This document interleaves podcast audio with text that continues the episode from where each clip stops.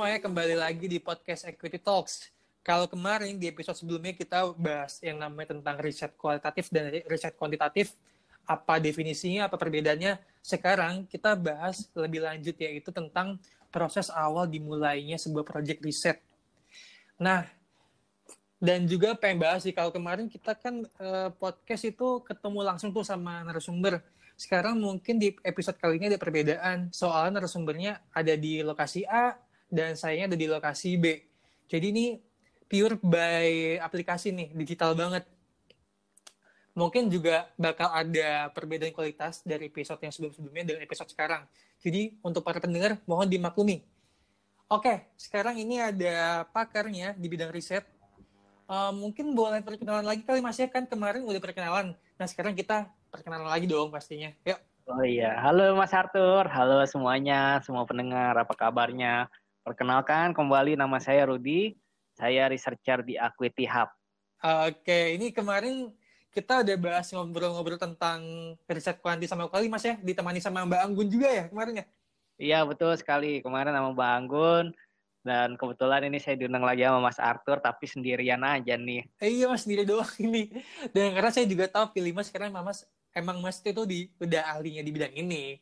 Jadi saya oh. calling-calling buat butuh narasumber ya udah. Oh, iya. Di kontak saya yang pasti saya bakal chat ada namanya Mas Rudi. Oke, langsung saya chat. Ya. Bagus sih buat narasumber.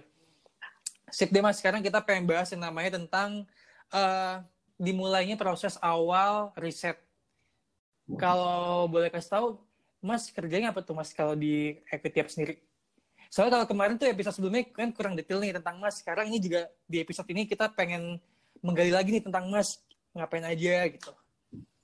Oh, boleh, hmm. boleh. Jadi gini Mas Arthur, sebagai researcher, itu saya mulai dari approaching klien, kemudian dari kalau klien ada kebutuhan research, kita coba bantu untuk menerjemahkannya. Hmm supaya gimana caranya research ini bisa dieksekusi seperti itu. iya mas, oh kayak gitu ya. Oke oke. Ini di episode ini pengen bahas sih tentang langkah memulai riset atau bagaimana sih uh, ketika perusahaan memulai riset di awal-awal bagaimana apa sih yang terjadi gitu. Awalnya, hmm. jadi mungkin pertama kita pasti sih ada komunikasi dengan klien. Hmm. Kita selalu mencari kebutuhannya klien apa sih sebenarnya dari riset itu gitu. Jadi sambil uh, kita bikin proposal, kita coba memahami konteks yang sedang dialami oleh klien gitu. Apakah klien itu sedang ingin melaunching produk baru, dia ingin tahu produknya sukses atau enggak di pasar, atau dia ingin melaunching iklan baru, hmm. apakah iklan ini cukup persuasif untuk audiensnya atau enggak, atau bahkan iklannya sudah dilakukan. Hmm. Nah, iklan ini sudah dilakukan, jadi kita evaluasi kira-kira iklan iklan ini itu works nggak sih, perform nggak sih hmm, gitu okay. untuk audiensnya. Jadi pertama sih kita harus mengerti dulu konteks bisnis dari klien kita tuh apa sih gitu. Hmm. Nah, ketika kita udah ngobrol-ngobrol, kita gali kebutuhan dia, kita biasa coba untuk merumuskan.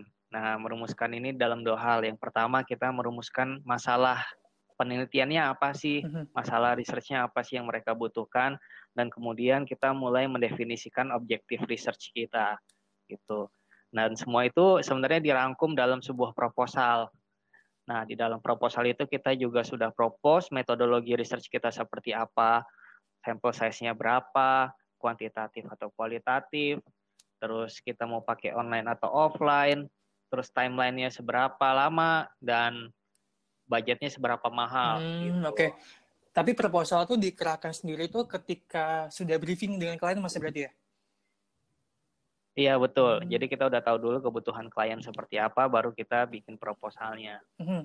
Nah setelah itu proposalnya itu direview oleh klien. Kalau memang cocok gitu ya, cocok dalam arti metodologinya cocok, terus timelinenya juga masuk, harganya masuk, baru biasa kita mulai untuk persiapan eksekusinya nih.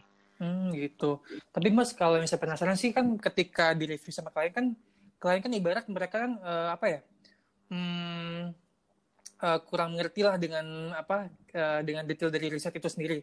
Tapi mereka juga ada hak untuk merubah apa yang metodologi dijalankan juga, Mas? Atau bagaimana? Betul. Jadi mungkin uh, nggak semua klien itu nggak ngerti researchnya hmm. mungkin Mas Arthur. Jadi ada beberapa dari klien kita juga perusahaan tersebut punya namanya divisinya consumer insight atau market insight atau sebagainya. Nah itu biasa klien klien-klien yang dari divisi inilah orang-orang research juga sebenarnya gitu. Oh. Tapi ada juga yang memang mungkin dari divisinya marketing mereka butuh data tapi mereka nggak terlalu paham research juga ada gitu. Nah dalam proposal sendiri sebenarnya kita tuh sebenarnya sifatnya diskusi dengan klien. Hmm, Jadi gitu. kita uh, selalu open dengan misalnya klien punya pemikiran oh metodologinya kayaknya lebih baik jangan pakai online deh, pakai offline atau sebaliknya jangan pakai offline deh, pakai online gitu. Nah itu kita juga bisa oh, gitu mereka ya? kalau oke okay, okay. uh, uh, seru juga ya tadi ya. Saya, saya juga bertahu di Mas Liki ada perusahaan yang sebenarnya mereka punya tim riset, tapi namanya bukan researcher atau apa, tapi namanya mereka consumer insight, tapi mereka tetap butuh vendor lainnya untuk uh, untuk mendukung keperluan mereka juga ya. Iya oh, betul okay, sekali. Okay.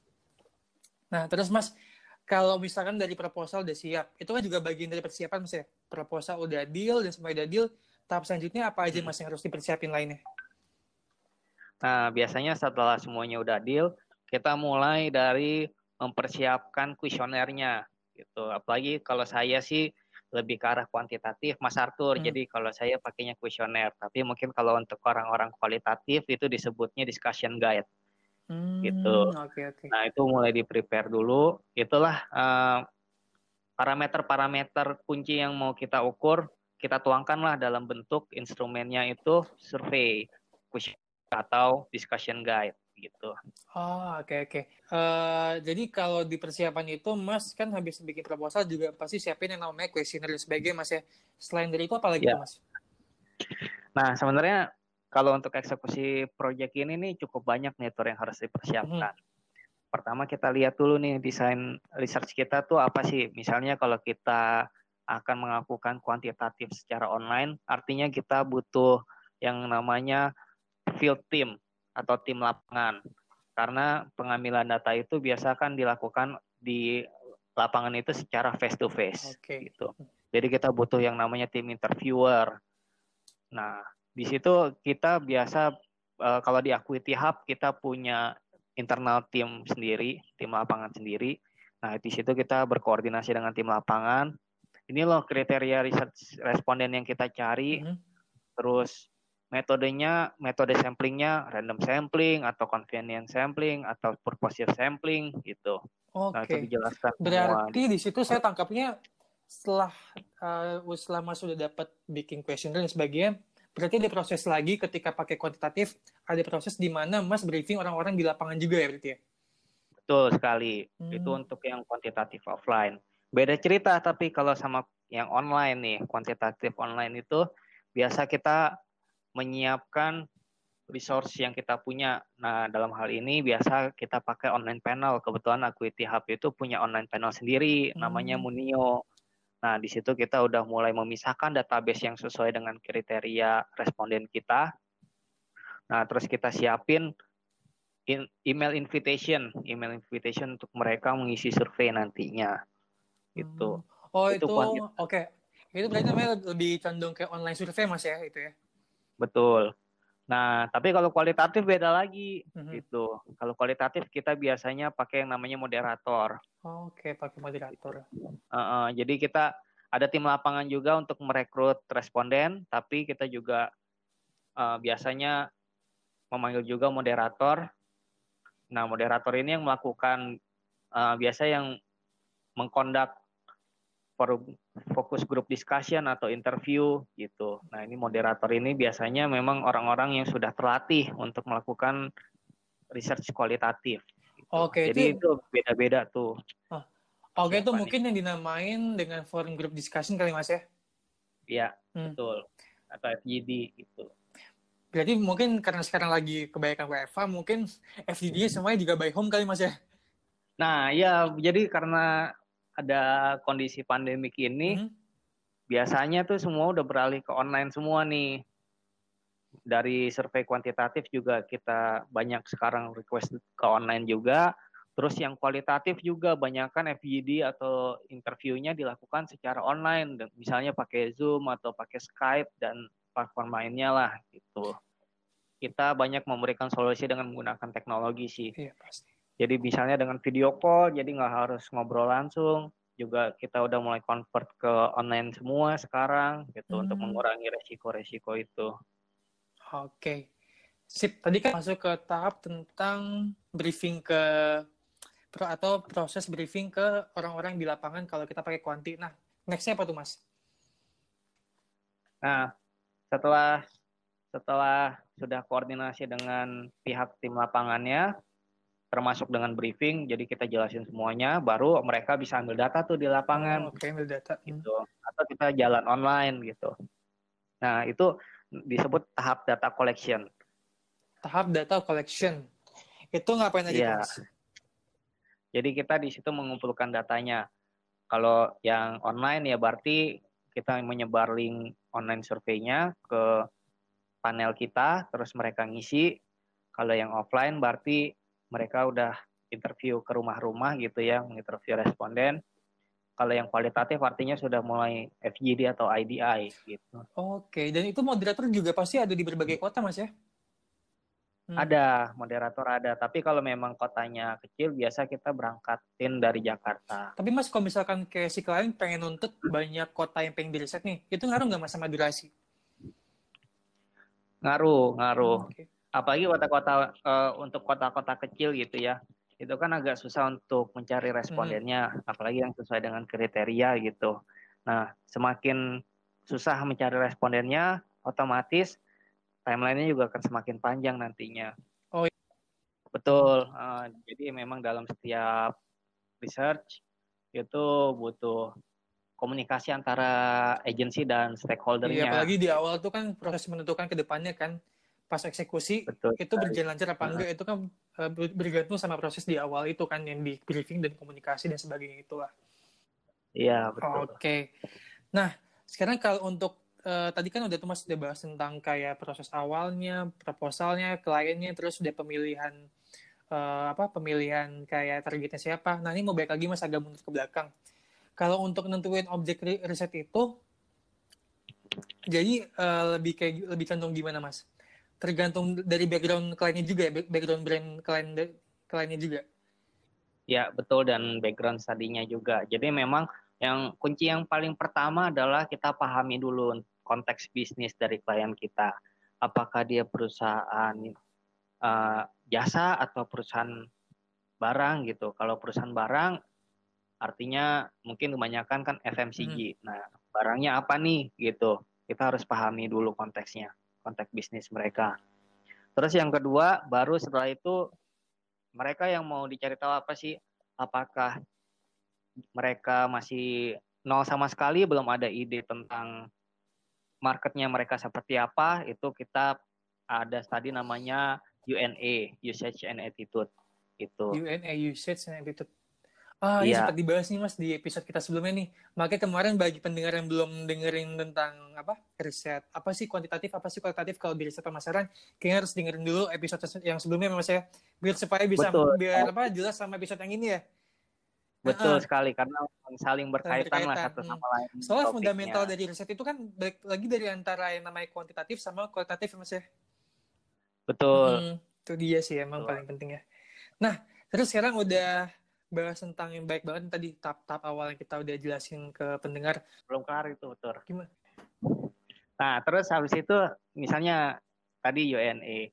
Terus ini misalnya ada kebutuhan lain nih, ternyata mereka mau ngeluarin produk baru, mereka mau tahu marketnya accept atau enggak dengan produk baru mereka itu kita sebutnya ada namanya study product test gitu. study product nah, test oke okay. ya terus ada juga iklan kalau itu kan advertising study itu ada juga kepuasan pelanggan jadi misalnya nih uh, dalam industri perbankan hmm. gitu mereka mau tahu nih nasabah mereka tuh puas nggak sih dengan pelayanannya gitu Nah, itu customer satisfaction kita sebutannya. Jadi uh, tergantung dengan kebutuhan kita pahami konteksnya dulu baru kita setting objektif. Setting objektifnya itu termasuk ke dalam jenis tadi. Ke dalam jenis tadi ya. Nah setelah kita tahu jenis tadinya baru kita setting key parameternya. Jadi harus ada key parameter. Key parameter itu nanti yang ujung-ujungnya nanti jadi KPI untuk hmm. klien kita. Apakah uh, misalnya apakah produk mereka ini bisa diterima atau enggak? Ada batas tertentu.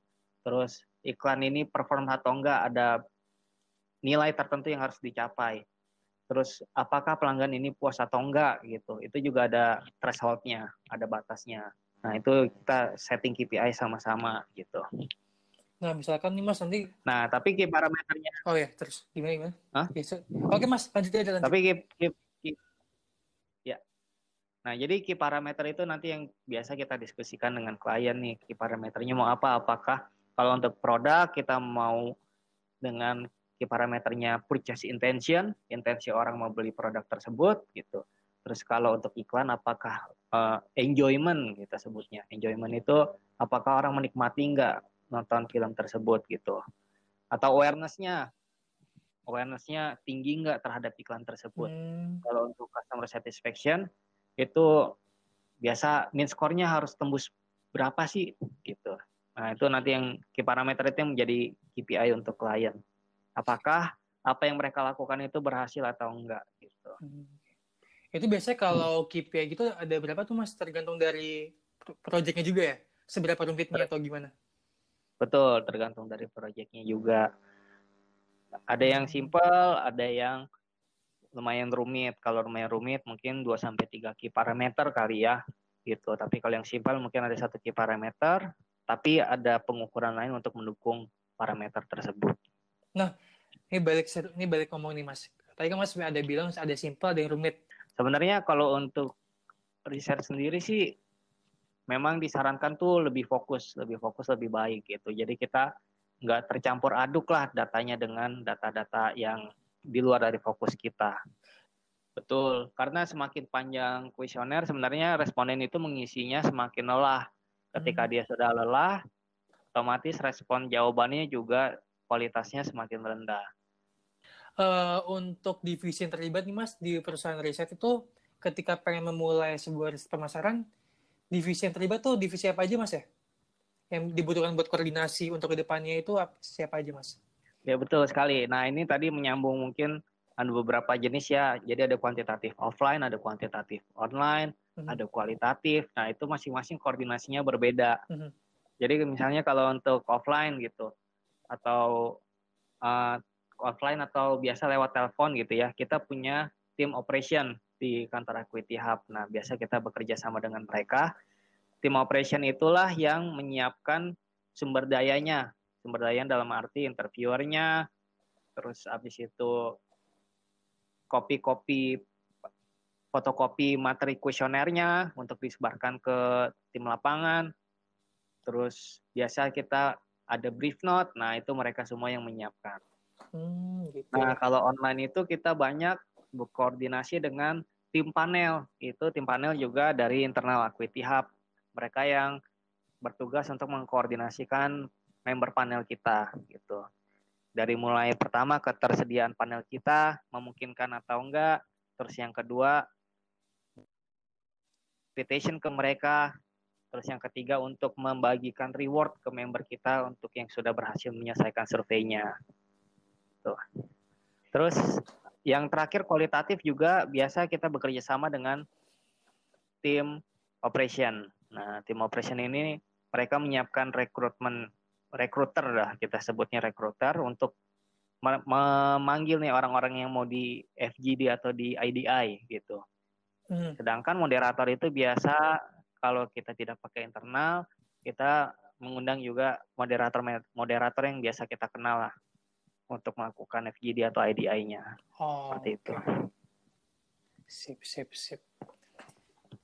Oke mas, tadi kita udah bahas baik banget nih dari awal itu gimana aja sih tentang uh, sebuah perusahaan riset pemasaran memulai riset itu bagaimana. Itu tadi kan satu kan ada yang yang pasti yang sales tuh beneran terlibat banget nih untuk memulai ter, untuk dimulai proses awal sebuah riset. Ya mereka yang harus jualan lah atau kadang-kadang juga ada klien yang nyari sendiri atau nyamperin sendiri kan mas ya.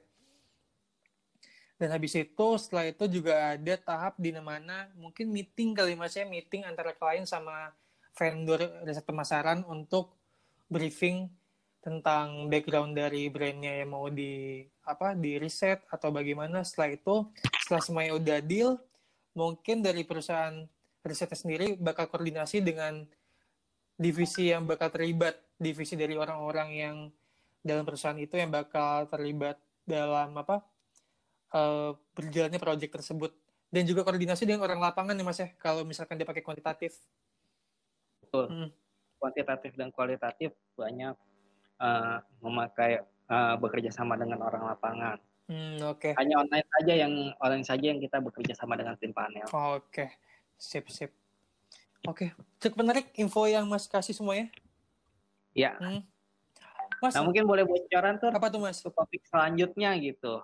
Karena kan ini masih gantung ya iya, kayaknya pasti, ya. Pasti, Nah, ini kan kita udah bahas tentang awal nih Mas, proses awal ketika dimulainya perusahaan riset untuk memulai proyek riset pemasarannya itu. Itu baru bahas awal nih. Tapi mungkin kita pasti bakal omongin uh, tentang setelah eksekusinya, prosesnya bagaimana. Itu bakal ada di episode selanjutnya. Oke? Okay? Mungkin juga uh, kita bakal dapat narasumber yang baru atau atau masih dengan si ahli riset ini, Pak Rudi? oh, ya okay. kita lihat saja untuk lihat berikutnya. Ditunggu saja untuk episode selanjutnya. Oke okay, sip. Tapi ini semoga nanti uh, bagus lah mas ya. Soalnya kita juga buat pendengar nih maaf banget nih soalnya kita pakai alat seadanya. Soalnya kita lagi UFH. Ini Mas Rudi lagi di Jakarta Barat dan saya lagi di Bintaro. Jadi kita nih pure recording pakai aplikasi yang dikhusus buat podcast. Makanya mungkin ada perbedaan kualitas dari episode sebelumnya dengan episode sekarang. Jadi mohon dimaklumi untuk para pendengar ya. Oke, sip. Thank you, Mas. Ada pernyataan atau saran mau dikasih ke kita semua? Sudah. Udah itu aja. Tetap semangat, jaga kesehatan, dan tetap produktif. Oke. Thank you semuanya. Jangan Thank lupa tetap ikutin di episode kita selanjutnya. Hmm.